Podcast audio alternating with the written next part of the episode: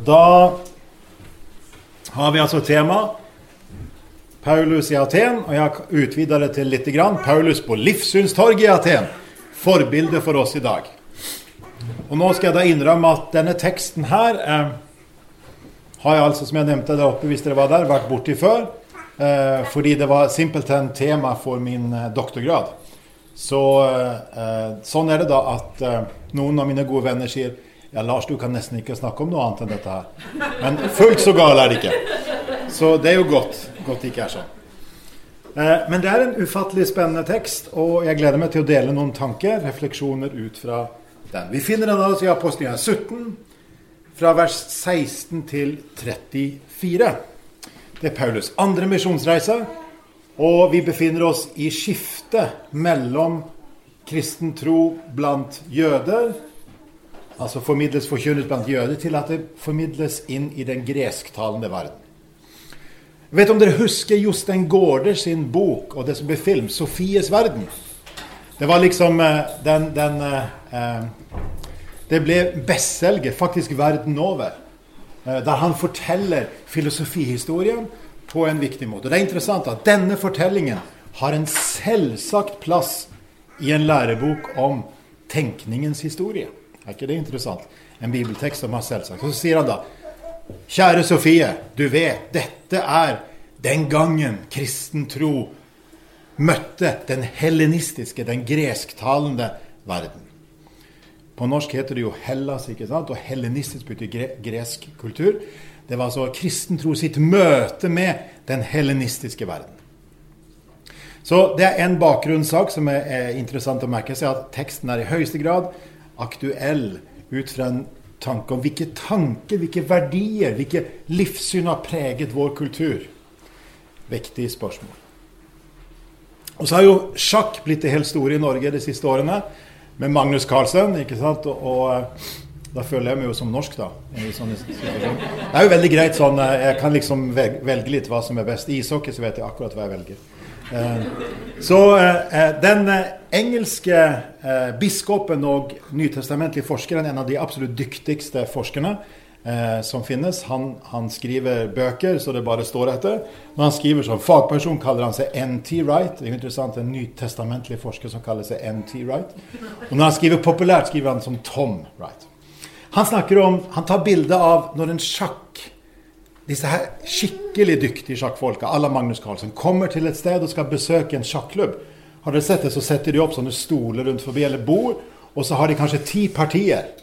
Jeg hørte om at Magnus Carlsen nå spilte, var ikke det med bind for øynene? Og skulle huske alle, stemmer ikke, huske alle trekkene. Det er bare helt I ti parallelle partier noe sånt. Altså, det overgår i hvert fall min tanke en god stund. Kanskje ikke din, men i hvert fall min. Eh, så så uh, her møter vi, sier N.T. Wright, Paulus som den store grand chessmaster. Ok? Billig talt så går han først til stoikerne, en filosofiskole sin bor, og tar noen trekk. Så går han videre til epikureeren, en annen. Så går han til Aropagos råd, den tredje, med liksom de fiffene i byen. Så går han til de polyteistene, den fjerde, osv. Så, videre. så går han tilbake til stoikerne, ikke sant? og sånn holder han på.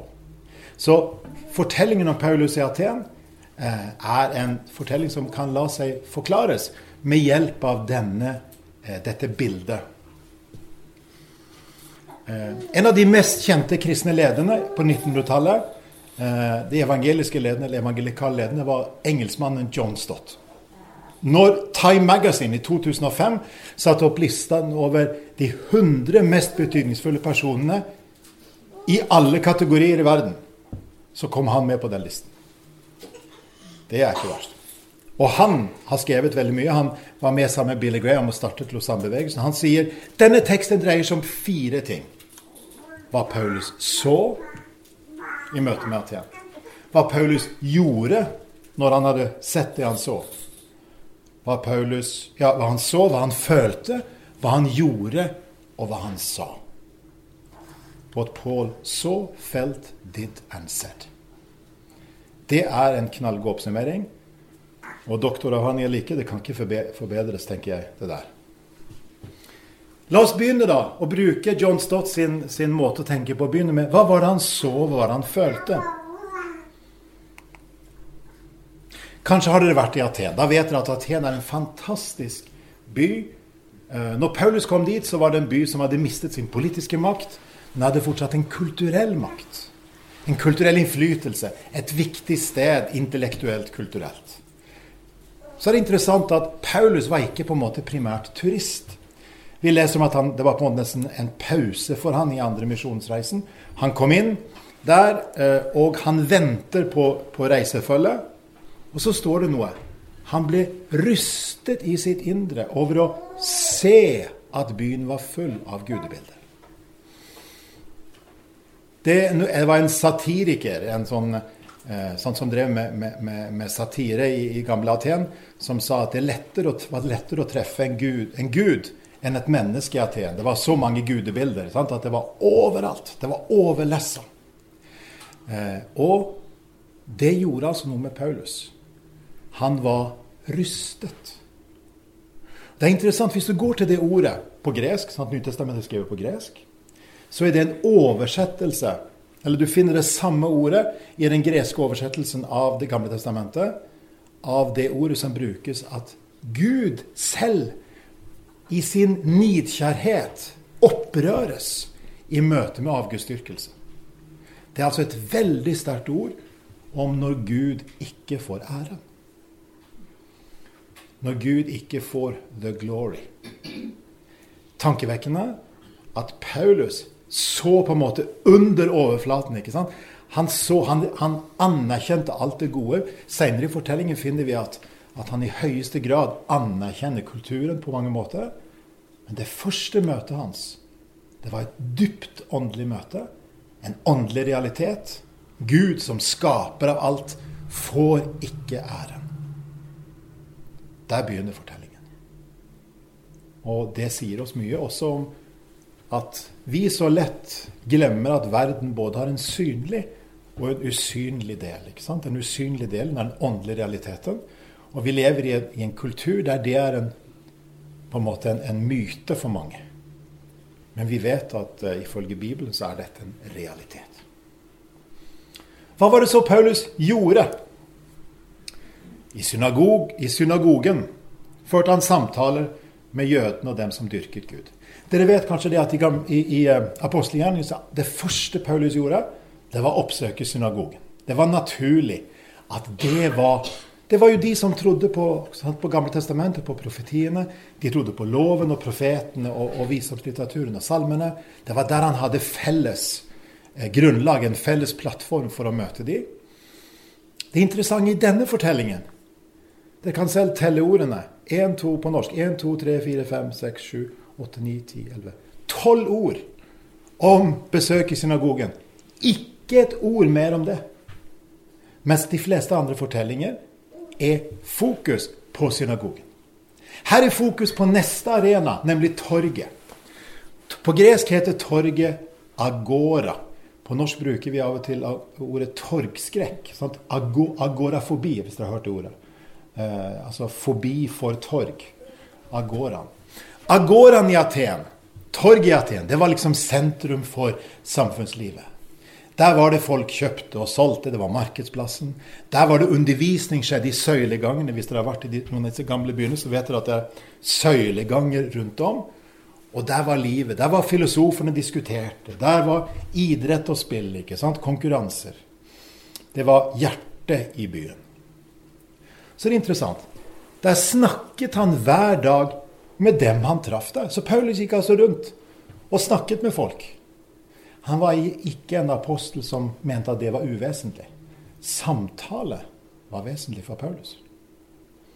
Og så skjønner vi at når han gikk rundt der, så ble han sikkert sett på som en jødisk visdomslærer ikke sant, som kom inn.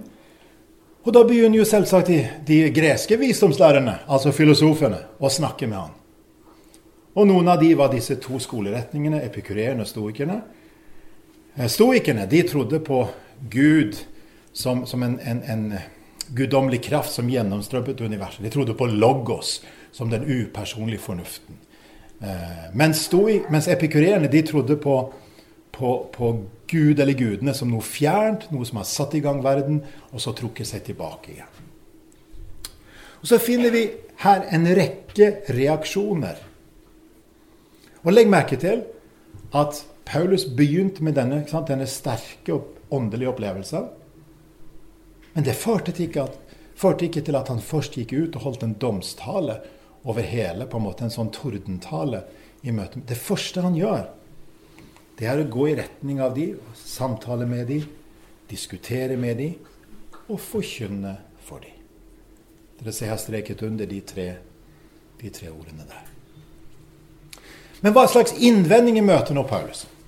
Ja, Den første innvendingen det er hva er det egentlig denne pratmakeren har å si? Ordet for pratmaker er en som plukker opp et, et, sånt, et, et, et litet korn en plass, og så slipper det en annen plass. Et bilde av liksom en liten fugl som beveger seg rundt forbi. Det var et bilde av en som bare Det var ingenting å bry seg om. Det var pratmaker fra Israel, fra en jøde. Hva var han Hadde han noe å si? Mens andre mente han er visst en som forkynte evangeliet. Han forkynte fremmede guder. Fremmede guder? Reagerer ikke dere på det? Paulus trodde jo ikke på guder. Hvorfor i all verden kunne de få den, den misforståelsen fra? Det er jo litt betryggende, er ikke det, at selv Paulus ble misforstått? Det kan jo være litt kjekt eh, å, å tenke på av og til. Det var fordi han forkynte evangeliet om Jesus og oppstandelsen. Ok? Hvis vi ser på de greske ordene Jesus er et maskulint ord. Jesus. Oppstandelsen er et femininum. Feminint. Eh, kategorien feminine eh, substantiver. Anastasia. Med andre ord Aha, tenkte disse grekerne. Her er en jødisk visdomlærer eller en fra, fra det merkelige landet borte som sier at det fins en gud som heter Jesus, og en gud som heter Anastasia. Dette er læren om ny, et nytt guddomspar. Jesus og Anastasia. Han var visst en som forkynte evangeliet. Han var visst en som forkynte fremmede guder. Nå var det interessant, fordi dette med fremmede guder, det kjente de til. De hadde nemlig en ordning for at de ønsket jo ikke sant, I en by sånn som Aten så ønsket en jo inntekter. Hvis en satt i ledelse. Det vet jo alltid det budsjettet ikke sant, må gå sammen, gå, gå opp. Eh, det vet vi. Eh, og da var det jo kjekt å få nye inntekter fra nye altere. Fra nye guder, f.eks. Så her finner vi at litt seinere så, så, møter vi da i vers 19 Aropagos-rådet til Areopagos, og det betyr til rådet. Det rådet hadde ikke domsmyndighet på alle områder, men noen områder. Av oppgavene, en av oppgavene deres har forskere funnet ut, var å avgjøre om en fremmed, en herold, en talsmann for fremmede guder, skulle få lisens, så å si, til å tale og til å sette opp alteret. Husker du at Paulus senere snakker om at det ikke trengs nye altere. Her er det noe interessant sammenheng. De tok han da med seg og førte ham til Areopagos og til rådet og sa Kan vi få vite hva slags ny lære du kommer med? For det er merkverdige ting vi hører, og vi vil gjerne vite hva det egentlig dreier seg om. Dette er et uttrykk for nysgjerrighet. Et uttrykk for åpenhet. Et uttrykk for å vite mer. Så her finner det altså og ene sida en veldig kritisk holdning. En veldig kritisk Paulus er bare en pratmaker, ingen, ingen, å bry seg om. Så er det misforståelse. Han to guder.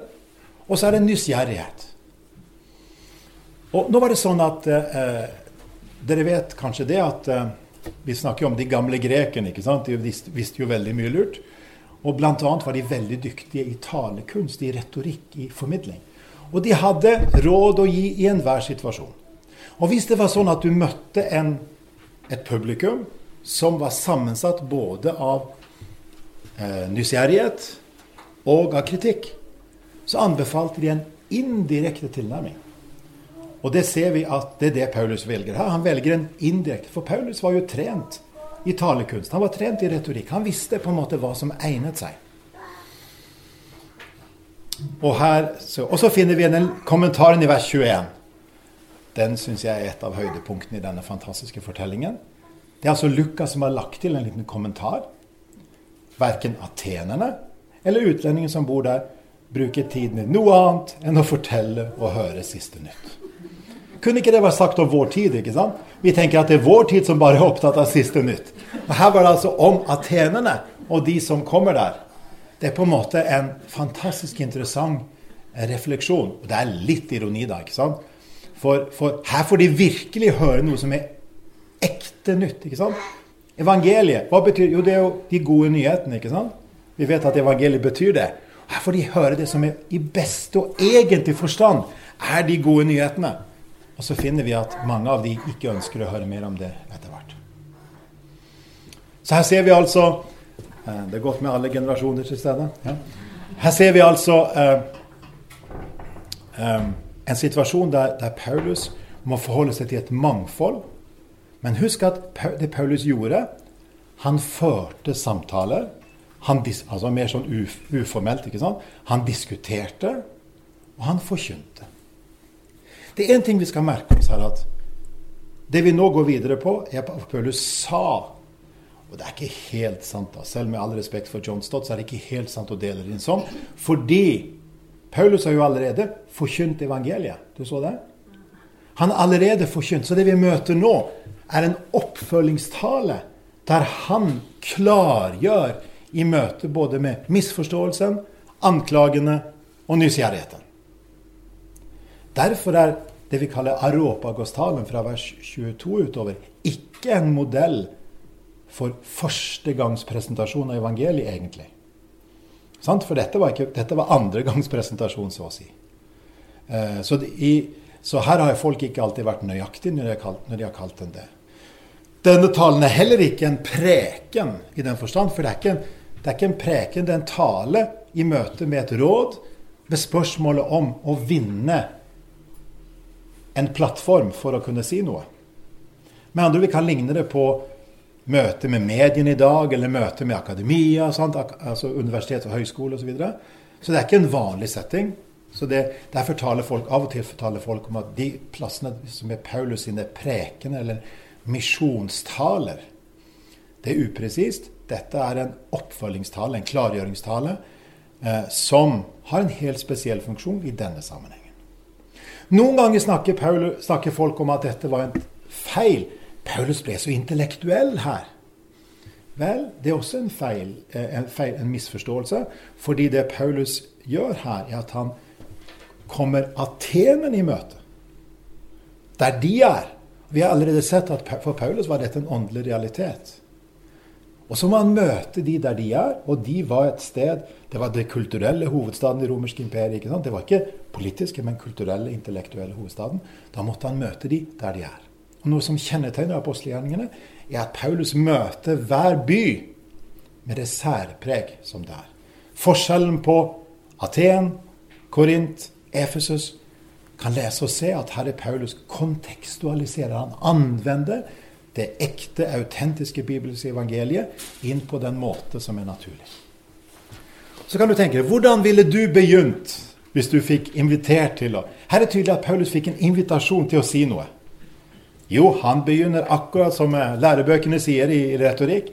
Han begynner med en tiltale. Atenske menn. Beklager det, alle damer som er tilstedeværende her.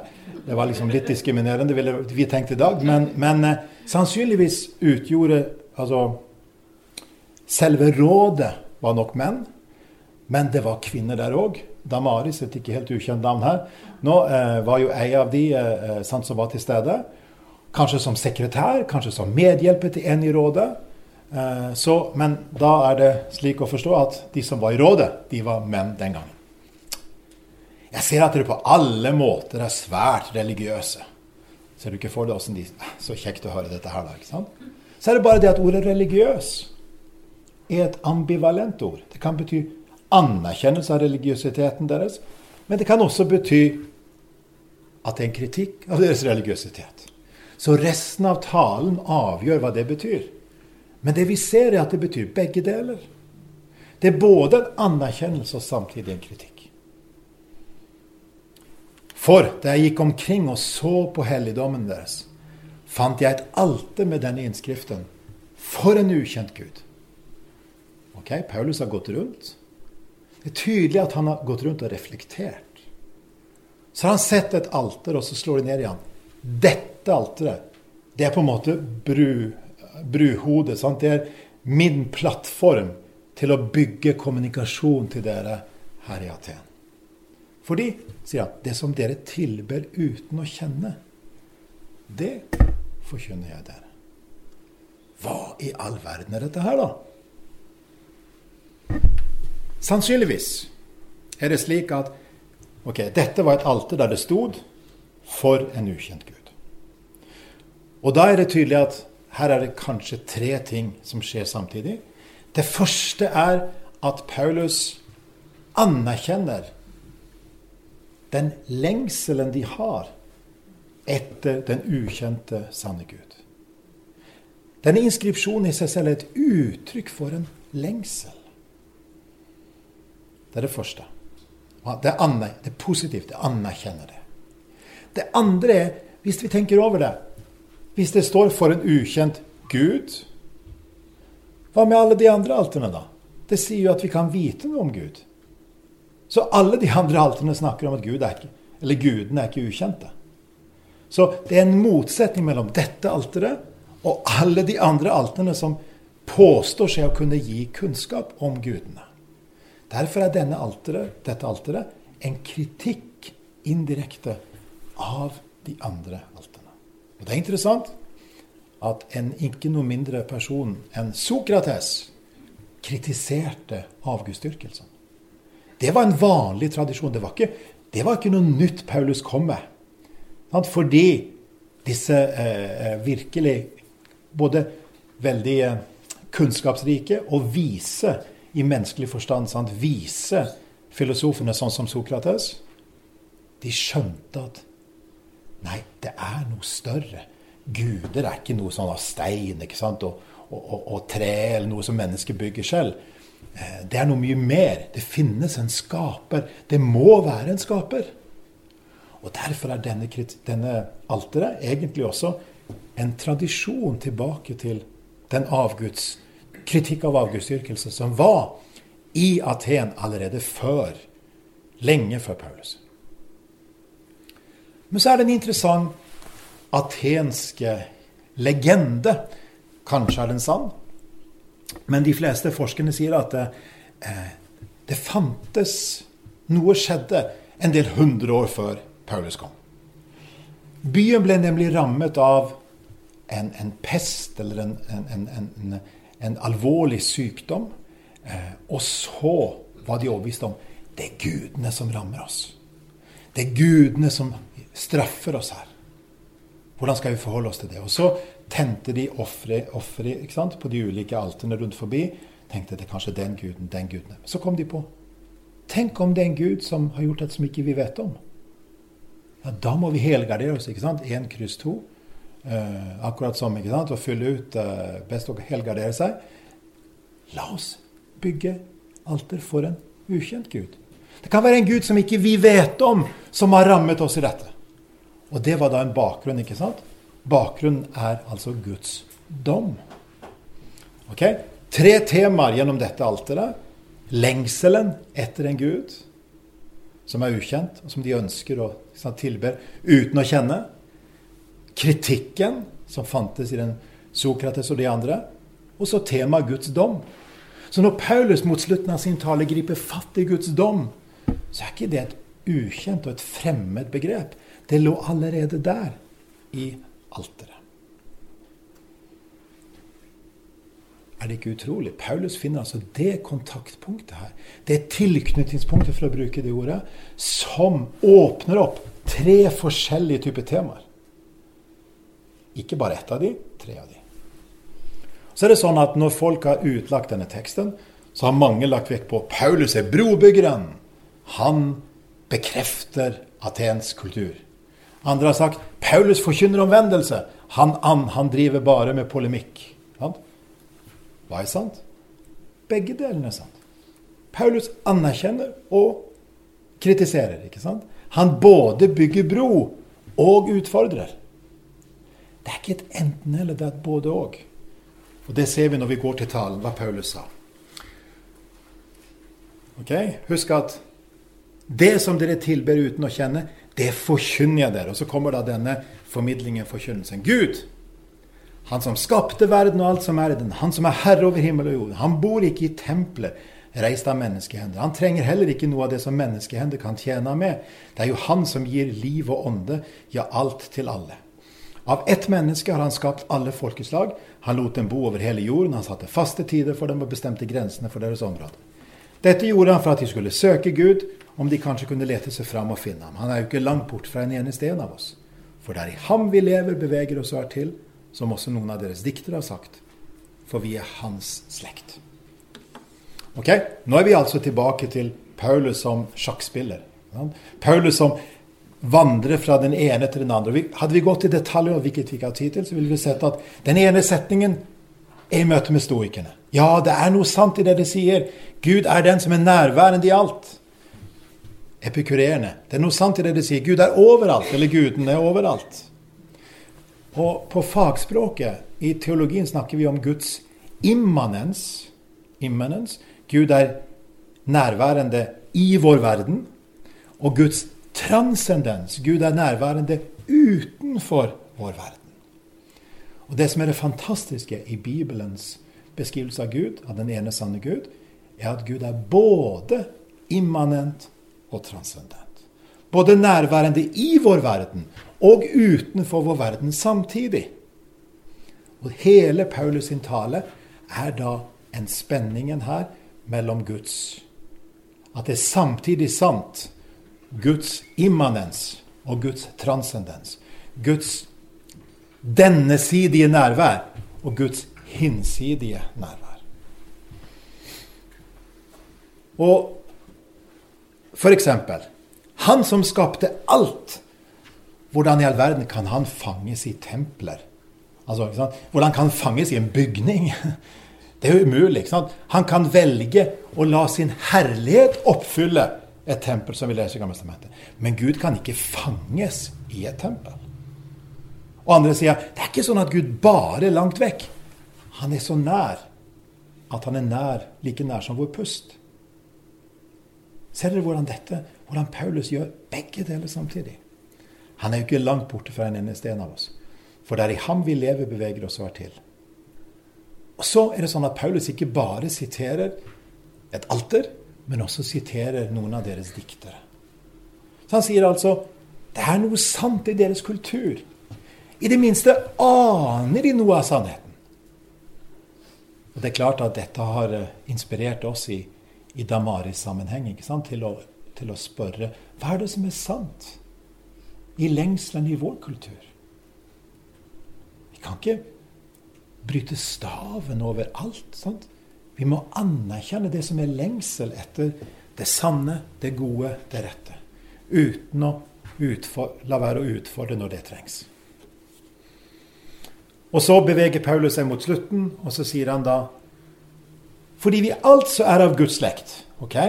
Vi er i så å si familie med Gud. Da må vi ikke tenke at guddommen ligner et bilde av gull eller sølv eller stein. Altså akkurat det Sokrates og de andre virkelig vise filosofene sa. Gud er ikke slik. Disse tidene med uvitenhet har Gud båret over med. Men nå befaler han alle mennesker hvor de enn er, at de må vende om. Ok? Her kommer det nye omvendelsens realitet. Fordi Gud er den han er, så har Gud rett til våre liv. Og så Hvordan har Gud vist dette? Jo, Han har fastsatt en dag da han skal dømme verden med rettferd. Der kommer dommen opp, ikke sant, som vi snakket om i stad. Guds dom, ikke en fremmed tanke. Ved en mann. Legg merke til at Jesus her introduseres som en mann, et menneske. For å være sikker på at de forsto at det var ikke guder. Guds menneske Jesu menneskelighet understrekes. Og så har Gud altså gitt oppstandelsen som bekreftelse for alle mennesker ved å reise ham opp fra de døde. Vi kommer tilbake til dette om et lite øyeblikk. Hva var så reaksjonen? Legg merke til at det står da de hørte om oppstandelse fra de døde, gjorde noen narr av ham, men andre sa På gresk hoimen hoide. Den strukturen finner vi etter så å si alle talene til Paulus og de andre. Noen er positive, eller noen er negative i dette tilfellet, andre er positive. Og så er det kanskje andelen positiv og negativ som varierer. Sant? Hvor mange som kommer til tro, varierer fra Men strukturen at det er noen negative og noen positive reaksjoner der hele veien. Så ser vi at noen sier Unnskyld, det står det andre. Eh, sier vi vil gjerne høre deg tale mer om dette en annen gang. Så forlot Paulus dette rådet, Europakostrådet. Og så er det tydeligvis en tid etter det er det noen som kommer til tro. Blant dem to stykker. En fra Europakostrådet, altså en fra Fiffen, sant? en fra eliten i, eh, i Aten. Og en kvinne som het Damaris, ikke helt uaktuelt for oss her i dag, og noen andre. Vi vet ikke veldig mye mer om menigheten i Aten. Vi vet at det var en biskop og noen kjente folk i Aten etter hvert, men vi vet ikke veldig mye mer enn det. La oss reflektere litt over. Hvordan kan vi lære? Hvordan kan dette være et forbilde for oss? Det første er interessante forskjellen mellom disse første tolv ordene, ikke sant? synagogen, som ikke var fokus her. Men vi møter jo det mange andre steder at Paulus, der vi hører om at Paulus sier Jesus er Messias. Ok, Her i Aten er det ingenting av den brobyggingen som er mulig, fordi det er ukjent for dem, eh, Gamle. Og da begynner Paulus et annet sted. Forskjellen mellom synagogen og torget. Torget er på en måte det åpne. Derfor kalte vi dette også, eller kalte jeg dette livssynstorget. Det store, åpne, breie torget. Og som i vår tid så er det vel sånn at eh, vi har beveget oss i vår kultur i Norden. Eh, Norge, Sverige, resten av Skandinavia og Norden. Fra en kristelig dominert kultur, der Bibelen var en, en realitet som et referansepunkt sant, for veldig mange, til en, et mangfold i dag der ikke det er en selvfølge lenger. Vi har beveget oss fra en synagogekontekst, om du vil, sammenheng, til en torgsammenheng. Da er spørsmålet om vi i kristen sammenheng og kristen virksomhet, om vi har tatt konsekvensene av det. Den andre refleksjonen her er at eh, dersom det er slik som Paulus sier, så har vi faktisk som kristne oppdaget hvordan sannheten egentlig er. Det betyr ikke at vi ei har, har skjønt alt av sannheten, men hvis sannheten, hvis Gud er til, og sannheten er hos Han, så betyr det at virkeligheten er på det kristne livssynets side. Vi lever i Guds skapte verden. Da vil jeg si at det er en samsvar mellom Bibelen og Guds skapte verden. Det er et samsvar mellom Bibelen og både når vi snakker om mening i livet, snakker om menneske og snakker om moral. Det er et samsvar mellom Bibelen og virkeligheten. Hvis reformatorene og de andre snakket om Guds to bøker, sant? Guds skrevne bok i Bibelen og Guds uskrevne bok i naturen. Men ikke bare det. Vi har ikke bare virkeligheten på vår side, men vi har nesten ved vår side. Som en medvandrer. Som noen som er likeverdig oss. Der begge er skapt i Guds bilde, og vi kunne lagt til begge to begge parter er, er gjenstand for Guds uendelige kjærlighet til Jesus Kristus. Ser vi så på argumentene, så er de kjempeaktuelle. Og Det er ikke mye nytt jeg har funnet på om denne teksten, men akkurat dette er mitt bidrag i min avhandling. Paulus begynner med et tilknytningspunkt. Han begynner å bygge bro. Han slutter med punkt fem med et spenningspunkt og utfordrer. Okay? Brobygging og utfordring snakket vi om begge deler.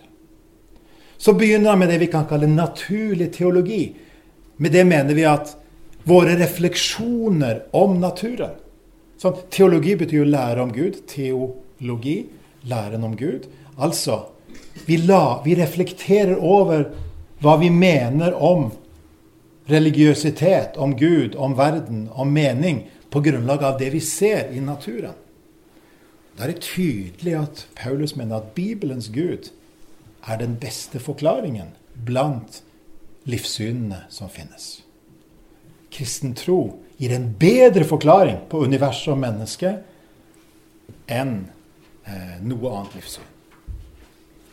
Hvis Gud er skaper Ok, Da er han På engelsk vet dere at, at forfatter, opphavsmann, heter author. Og Det er interessant sammenhengen mellom author og authority. Den som er opphavsmann, har autoritet. Vi kjenner dette i copyright-lovgivning i samfunnet vårt. At hvis noen har skapt et åndsverk, så har en copyright til det. Hvis Gud er skaper av alt, har Gud copyright til alt. Da er ikke Guds, at Gud gjør krav på oss mennesker, er ikke noe urimelig hvis han er skaper av alle. Det er ikke urimelig at Bach gjorde var opphavsmann til sine enormt store verker osv. Alle kunstnere gjennom tidene. På samme måte så finner vi at Gud har absolutt autoritet. Og så er Gud ikke lenger ukjent. For en ukjent Gud, sto det på, på alteret. Men Gud er ikke lenger ukjent. Fordi han har vist sitt navn og sitt ansikt i Jesus og i oppstandelsen. Og det er veldig interessant at det er der talen slutter. Og at oppstandelsen er selve nøkkelen. Var det vi sa. at Vi, vi, snak, vi viste der. Han har, han, har, bekreftet det for alle mennesker ved å reise ham opp fra de døde i vers 31. På andre del av det. Hva ligger det i det? For det første, hvorfor er oppstandelsen så viktig? Jo, oppstandelsen det møter jo oss mennesker på det punkt der vi er totalt forsvarsløse, nemlig døden. Døden er det punkt i livet, paradoksalt nok, sant? der vi må gi opp. Vi må, sant? Det er ingenting å gjøre. Vi mennesker står overfor en absolutt grense. Vi vet det, alle vi som har måttet følge våre foreldre til, til, til graven, f.eks. Det er noe uoppgi... Sant? Det er noe, noe helt eh, definitivt ikke sant? i dette med døden. Og akkurat der møter Gud oss i Jesus Kristus. Der mennesket ikke har noe håp i seg selv. Der er oppstandelsen, det som møter oss i vår eksistensielle, sant? vårt reelle, personlige møte. Det er en grunn til at oppstandelsen er helt sentral. Det andre er at hvis oppstandelsen har skjedd, altså hvis Jesus sto opp, så er jo det en helt unik hendelse. Og Jesus er da en unik person. Så oppstandelsen peker i retning av det unike ved Jesus.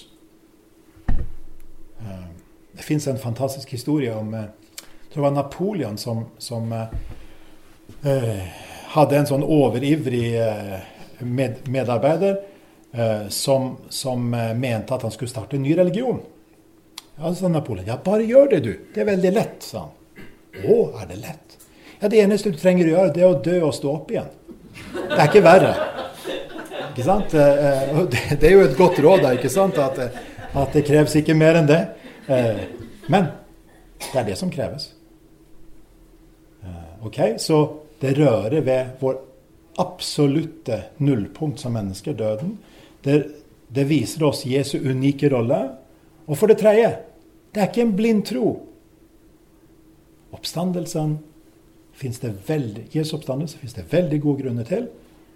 Og hvis det er i tvil om det, så har Stefan Gustavsson, vår gode kollega, skrevet en fantastisk bok som heter 'Skeptisk guide til Jesus'. Del to om Jesu identitet og oppstandelse. Eh, jeg har ikke akkurat den med meg her, eh, men, men den fins der oppe. Og jeg tror vi som kristne det er ikke alltid vi har sett inn i hvor gode grunner vi har for vår tro. Så det er fantastisk. Ok, ser dere. Begynner med brobygging, slutter med utfordring. Brobyggingen begynner med å anerkjenne det er lengsler der. Gud er den som har skapt oss alle med de lengslene. Hvis Gud er skaper av alt, så er han også den som har absolutt autoritet. Han er ikke lenger ukjent. Han kommer oss nær. Derfor utfordrer han også, også til, til å ta et valg i møte med han. Helt til slutt, før vi har noen spørsmål Boka 'Grillen kristen' eh, har dere kanskje hørt om. Det var den første boka på det nye Veritas forlag, som var et resultat av Veritas-konferansens initiativet mellom laget, Bibelskolen i Grimstad og oss på Gimlekollen. Uh, og det er en fantastisk bok som nå bestselger den på Lunde de siste ti år, tror jeg. Uh, og en fantastisk flott bok. Kort bok som svarer på 20 vanskelige spørsmål som veldig mange personer stiller. Og Hvis dere ikke har lest den, eller hvis dere ikke har gitt den til noen, så gjør det. Det er en god bok som, som er spennende. Nå skal vi neste uke, eller kommende uke nå, eh, jobbe med et trosopplæringsprosjekt der vi skal filme samtaler om ti av de spørsmålene. Med unge intervjuere i hovedrollen som skal stille gode og livsnære spørsmål. Svar på tiltale det er eh, en bok av Bjørn Are Davidsen som tar opp mange av de tingene. Egentlig praktiserer det Paulus gjorde i Aten i møte med aktuelle spørsmål og innvendinger. Veldig lettlest, veldig mye kunnskap på liten plass. Eh, så hadde vi gleden av eh, å ha besøk av eh, matematikeren John Lennox i, nå på Veritas-konferansen i høst. En god venn til Margunn og meg siden, 19, siden 1990-tallet. Og Han har skrevet boka bl.a. 'Sju dager som deler verden'. Sant? Vi snakker om Gud som skaper. Kan vi tro på Gud som skaper i møte med moderne naturvitenskap? Første Mosebok og moderne naturvitenskap, hva skal vi tenke om det? En veldig god, lettlest, engasjerende innføringsbok i det. Og helt til slutt, la meg også nevne at eh, trenger troen forsvares?